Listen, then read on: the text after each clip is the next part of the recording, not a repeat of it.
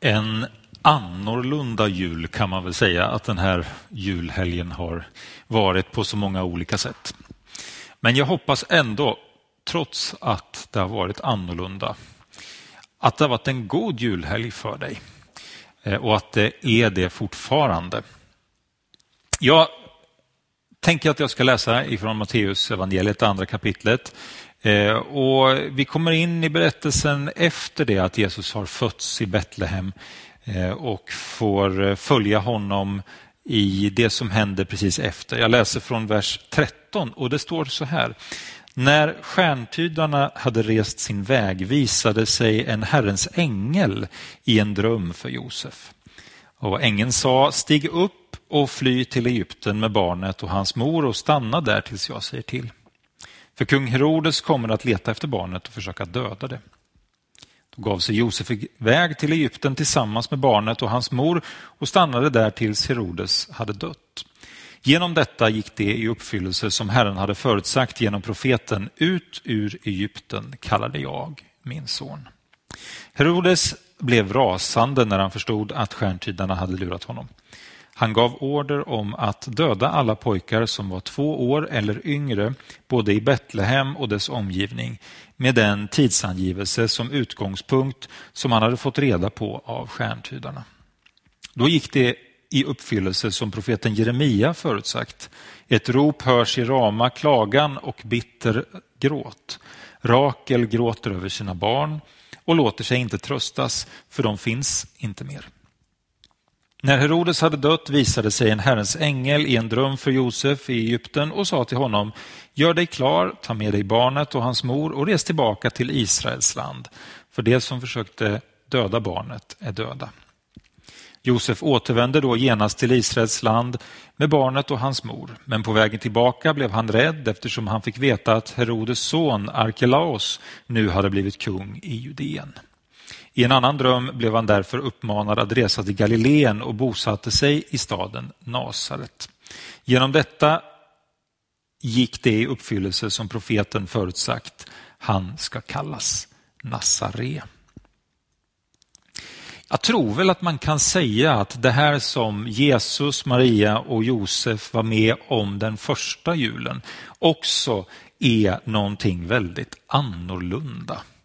Någonting som man inte riktigt har förutsatt att det ska kunna hända eller att det ska bli på, på, på så sätt. Och Det finns faktiskt en hel del saker att säga om det som händer här i den här texten. Jag ska plocka fram några saker, jag kan inte nämna allt, men jag ska plocka fram några saker. För det första så kan vi ju lägga märke till att när Jesus kommer hit till den här världen så välkomnas han av hela den då kända bibliska världen i alla fall. Han kommer till det lilla landet Israel som ju är en del av det då väldigt stora romarriket. Och från östern så kommer det vise män, troligtvis då från Mesopotamien, ett stort land som sträcker sig ända bort mot Indien. Och så flyr han också till Egypten och så blir även då Afrika och den kontinenten en del utav hur världen liksom tar emot sin frälsare, tar emot den här Guds gåva som kommer till oss.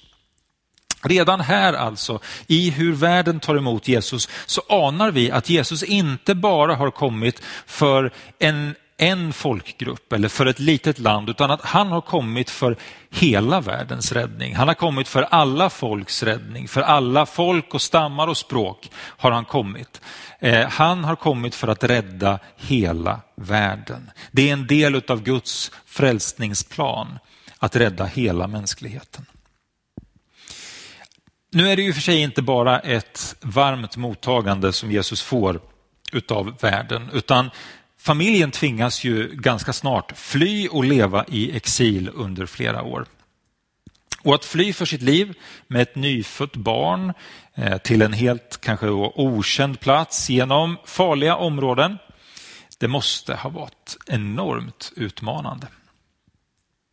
Enligt Unicef så lever idag ungefär 34 miljoner barn på flykt i världen. Och när vi tänker på hur Jesus togs emot i sitt hemland och hur han tvingades att fly så måste vi ställa oss frågan, hur handlar vi, hur tänker vi som bekänner oss till Jesus eh, i förhållande till flyktingar, till barn som lever på flykt? Hur har vi tagit emot dessa barn? Vad har vi gjort? Vad har vi tänkt? Vad har vi sagt om dem? Jesus sa att den som har tagit emot en av dessa mina minsta har också tagit emot mig. Jag måste säga att jag är otroligt glad och tacksam över det som vi i vår församling och de människorna som i vår församling jobbar just med nysvenskar och med flyktingar och hur det arbetet ser ut. Jag är glad över det. Glad över att vi faktiskt kan visa att vi vill ta emot människor, se människor eh, som kommer hit. Människor som har stora behov men som också har väldigt mycket att bidra med och väldigt mycket att ge. Det är vår uppgift, det är vår kallelse att faktiskt inte bara se till dem som, som är från Sverige från början utan till alla människor. Gud har en plan och en tanke för alla människor över hela vår värld. Så den här julen och framöver så kan vi på ett speciellt sätt fundera över hur kan jag hjälpa människor som inte har samma nationalitet som jag? Vad kan jag göra? En annan sak som man kan reflektera över och som du kanske någon gång har funderat över är hur kunde det vara möjligt för Jesus och hans familj att ta sig till Egypten och faktiskt kunna leva där i sex år? Jag menar, Maria och Josef, de var enkla människor. Kanske inte helt utfattiga människor, det tror jag inte man kan säga, men de var enkla människor och att de skulle ha något kapital undanstoppat för att man skulle kunna göra en sån här flykt, det tror jag är ganska långsökt.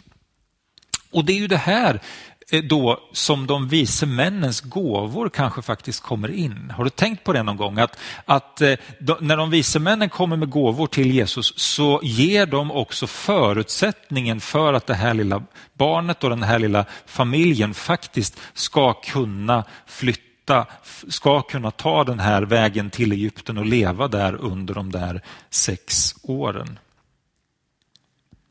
Och Jag tänker att det är så här att på samma sätt som det då på den tiden behövdes människor som gav utav sina tillgångar, gav utav det som de hade av sitt överflöd till Jesus för att Jesus skulle kunna klara av den exilen som han fick leva i. På samma sätt är det idag så att det behövs människor i vårt land som tar utav sina resurser och ger till Jesus som man nog faktiskt kanske får säga ibland, måste vara tvingad till exil ifrån Sverige. Det är inte riktigt så att Jesus får den platsen som man skulle önska i vårt land. Men då behövs det människor som finns där och ger utav sitt, sitt överflöd, ger utav det man har för att Jesus faktiskt också ska kunna komma tillbaka till vårt land. Ja, det är ju inte så att Jesus har lämnat vårt land, men jag tror att ni förstår, förstår liksom själva bilden i detta. Genom alla tider har det funnits, behövts människor som står där och ger av det man har, inte till en församling eller inte till en kyrka, men, men till, till Jesus. För att Jesus ska kunna få den platsen och det utrymmet som han behöver i den nation, i det, det land som man lever i. Det behövs det idag i Sverige. Kanske är du en av de vise männen för vår tid. Egypten är ju det landet som i den bibliska berättelsen står för förslavandet utav Guds folk. I det gamla förbundet mellan Gud och människan så leder Gud sitt folk ut ur den här fångenskapen i Egypten, ut ur slaveriet och så in i friheten i det förlovade landet. Gud tar upp fighten mot det onda och så knäcker han dess makt så att folket kan bli fritt. Och i det nya förbundet mellan Gud och människa så kommer Gud återigen för att föra folket från slaveri och fångenskap ut i frihet. Men Gud sänder inte sin son enbart för att rädda ett folk den här gången som jag sa förut, utan han kommer den här gången med planen att rädda hela mänskligheten ut ur slaveri. Det finns så många olika saker som vill hålla oss bundna och som vill förslava oss. Och jag vet inte vad det är de herrarna som finns i ditt liv som försöker binda dig och förslava dig, vad de heter. Du vet, det kan finnas så många olika saker. Alkohol, droger, sexmissbruk, lögner, dålig självkänsla, maktmissbruk, pengar, materialism, sociala strukturer, you name it. Det kan finnas så otroligt många olika saker som vill hålla oss i schack och som vill binda oss. Och då ska vi komma ihåg det, att Jesus har kommit för att ta oss ut ur den, det förslavandet och in i Guds frihet. Och så får vi komma ihåg det som står i Nya Testamentet, att Guds ord bär inte bojor. Guds ord bär inte bojor. Det Gud kommer med bär inte bojor. Det går inte att fånga in Gud, det går inte att fånga in hans vilja, det går inte att tämja Gud. Gud kan inte hållas fast och kan inte förminskas. Hans ord är alltid fria, de når alltid fram dit de ska. De kan liksom inte fångas in. Men de kommer för att befria var och en som tar emot den. Guds ord kan inte förses med en fångsttröja, men kommer för att spränga varje hinder och varje låsning som kan finnas. Guds ord har kommit för att slita sönder varje band som binder.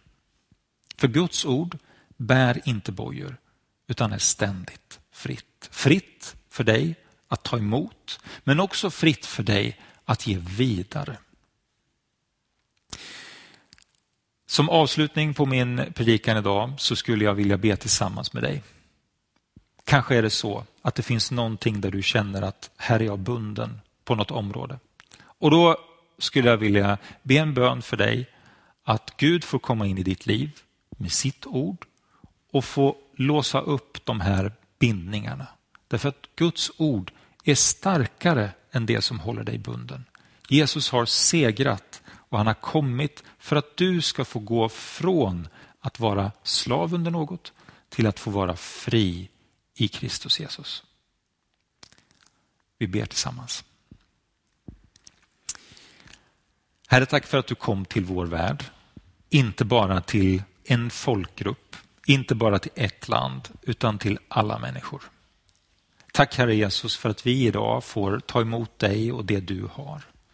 Herre, du känner våra liv och du vet vilka vi är. Du vet vad det är som kan binda oss, vad det är som vill, vill hålla oss nere. Du vet om det är någon speciell som, som upplever detta, bundenhet, att vara slav under något. Jag tackar dig för att ditt ord och ditt namn står över allt det. Och att du i denna stund kan komma till den människan, Herre, och befria. Därför att ditt namn är starkare än alla andra namn. Jag tackar dig för det. Och Herre, därför så ber jag för att den som är bunden i något ska få uppleva frihet. Vad det nu än må vara som binder. I Jesu namn.